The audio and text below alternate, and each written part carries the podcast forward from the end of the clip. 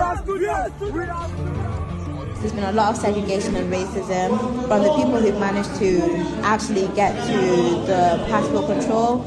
It seems like there's a hierarchy of Ukrainians first, Indians second, Africans last.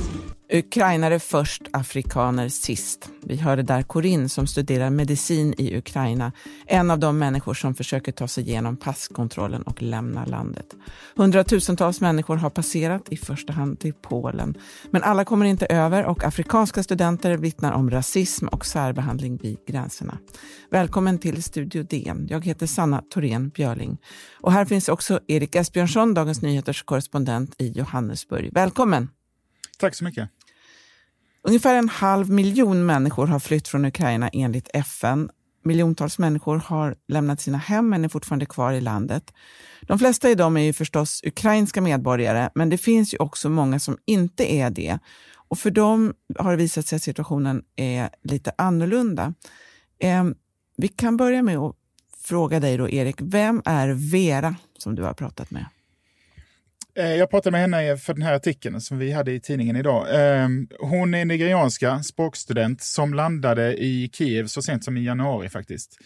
Eh, vi, vi glömmer ofta bort i Europa att det pågår väldigt stora utbyten mellan Afrika och andra delar av världen än just Västeuropa.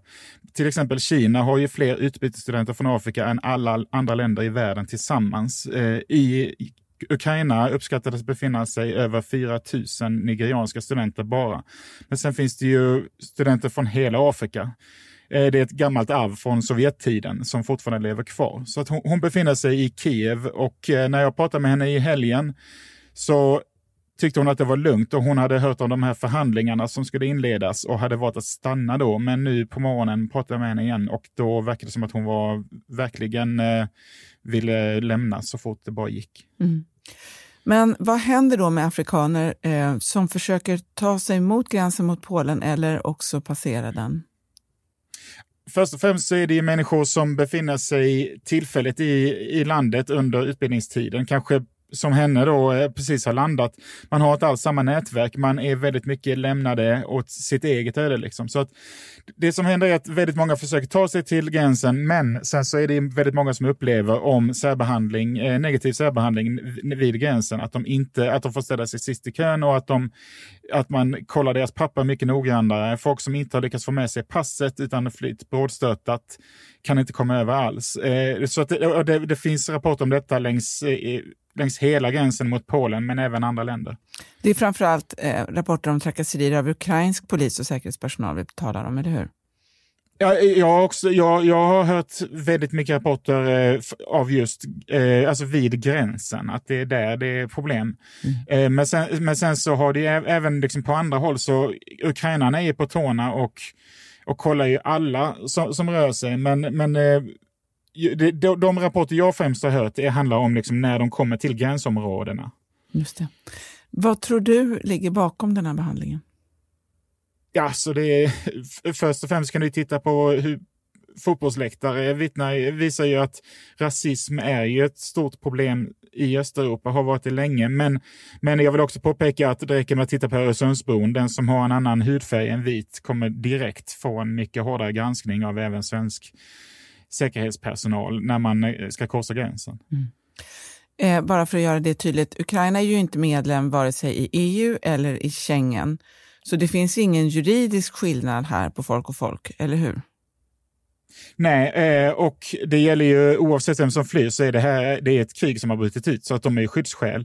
Så även, även på humanitära grunder så, så har ju människorna rätt. Jag tror att Polen ganska tidigt slog fast att eh, folk från tredje land som flyr från Ukraina har rätt att stanna i Polen åtminstone i två veckor innan de eh, måste vidare till sina hemländer eller lösa det långsiktiga på ett annat sätt. Mm. Bulgariens president sa i en intervju med nyhetsbyrån AP att det här är inte de flyktingar vi är vana vid. Det här är europeer, det är intelligenta, utbildade människor. Eh, vad tänker du när du har, det här uttalandet har ju fått väldigt stor uppmärksamhet, men vad tänker du när du hör eh, det? Ja, alltså det, dessvärre så är det inte bara han som säger det. det är även, jag har sett klipp på stora internationella nyhetsbyråer där kommentatorer har sagt snarlika saker. Som att det, det här är inte de vanliga irakierna som vi har sett, utan det här är medelklassmänniskor som vi. Då har man missuppfattat någonting grundläggande. att Det här är ju människor som, på äg, som själva har bekostat sin utbildning och har lämnat sina hemländer för att plugga till. De flesta är läkarstudenter, ska man eh, komma ihåg.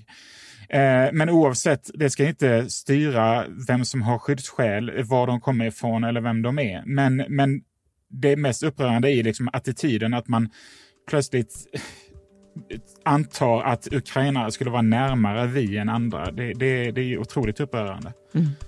Vi ska ta en liten paus och alldeles strax tala mer om situationen vid gränsen.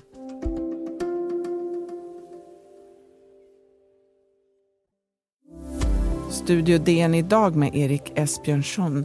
Vi talar om trängseln vid gränsen mellan Ukraina och närliggande länder, framförallt för de flyktingar som kommer från Afrika.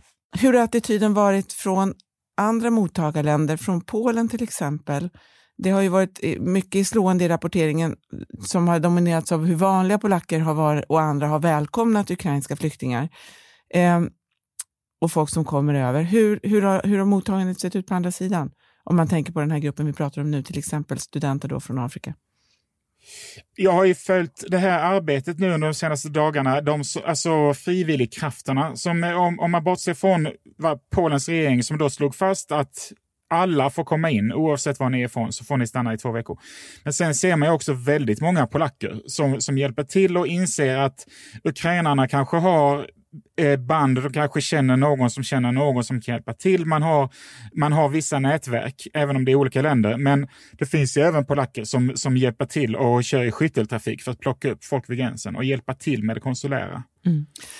Alltså, det är ju Polen, det finns ju även eh, flyktingar i andra länder, Ungern, Rumänien, Slovakien, Moldavien, även om det är mindre antal. Men om man minns, det här är ju länder som alla har haft en väldigt restriktiv flyktingpolitik när det handlar till exempel om, om folk som kom från Syrien eh, under 2015.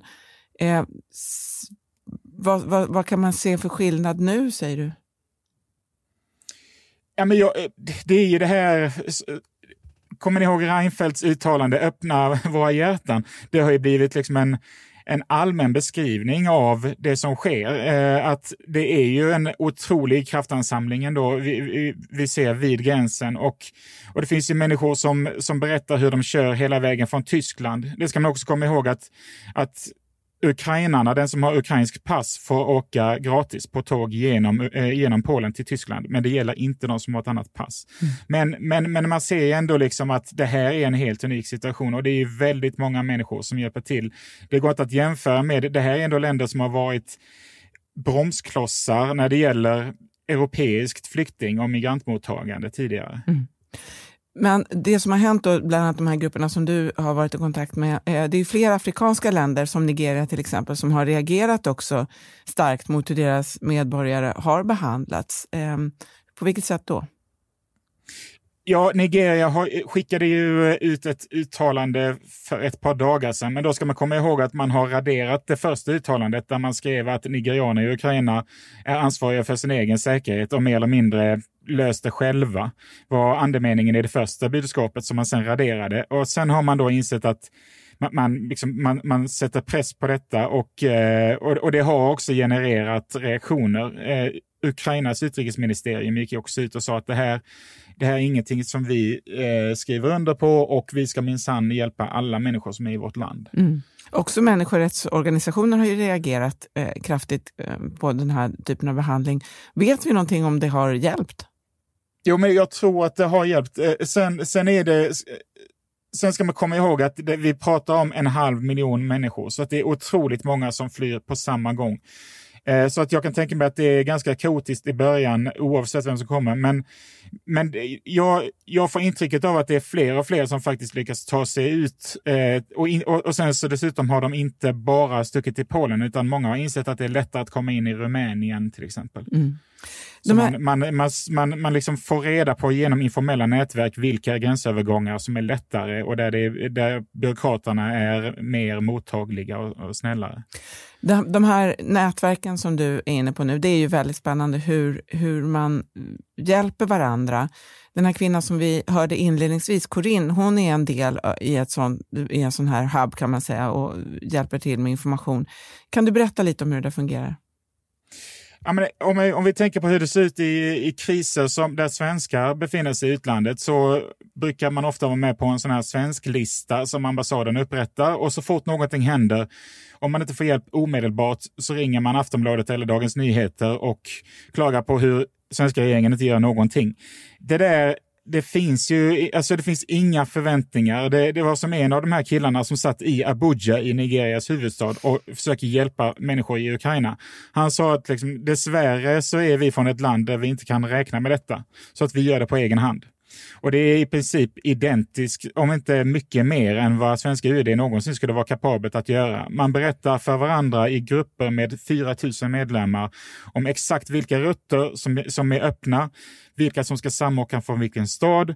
De har, bara på 24 timmar samlar de in 250 000 kronor som de nu fördelar till de som behöver akuta finanser. För det här är människor som har satsat familjens totala sparkapital för utbildningen och verkligen inte har någon extra budget.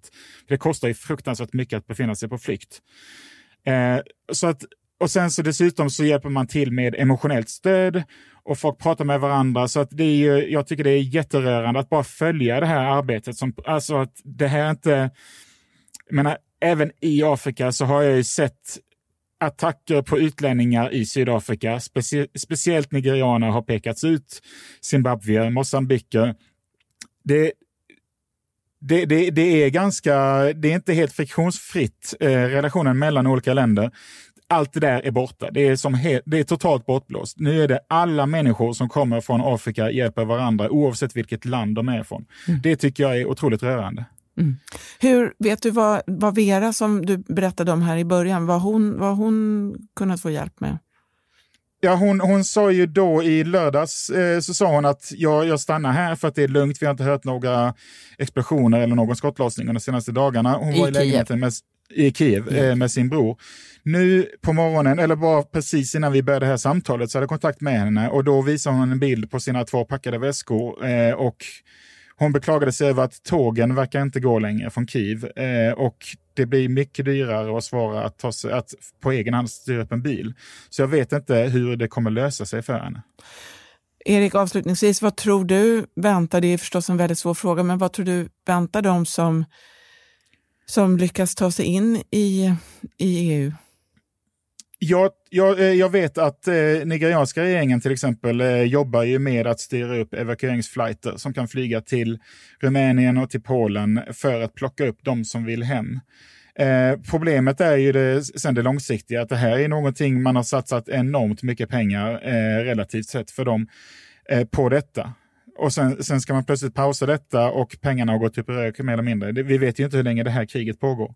Om de måste satsa på att plugga någon annanstans och var ska de då få pengar ifrån? Så det är ju en otroligt knepig situation för dem. Mm. Stort tack för att du var med idag, Erik. Om du vill kontakta oss så går det bra att mejla till studiodn Kom också ihåg att prenumerera på Studio DN där du lyssnar på poddar så missar du inga avsnitt. Studio DN görs för Podplay av producent Palmira Kokarimenga, ljudtekniker Patrik Miesenberger och teknik Oliver Bergman, Bauer Media. Jag heter Sanna Thorén Björling. Ljudklippet i dagens avsnitt kom från Al Jazeera.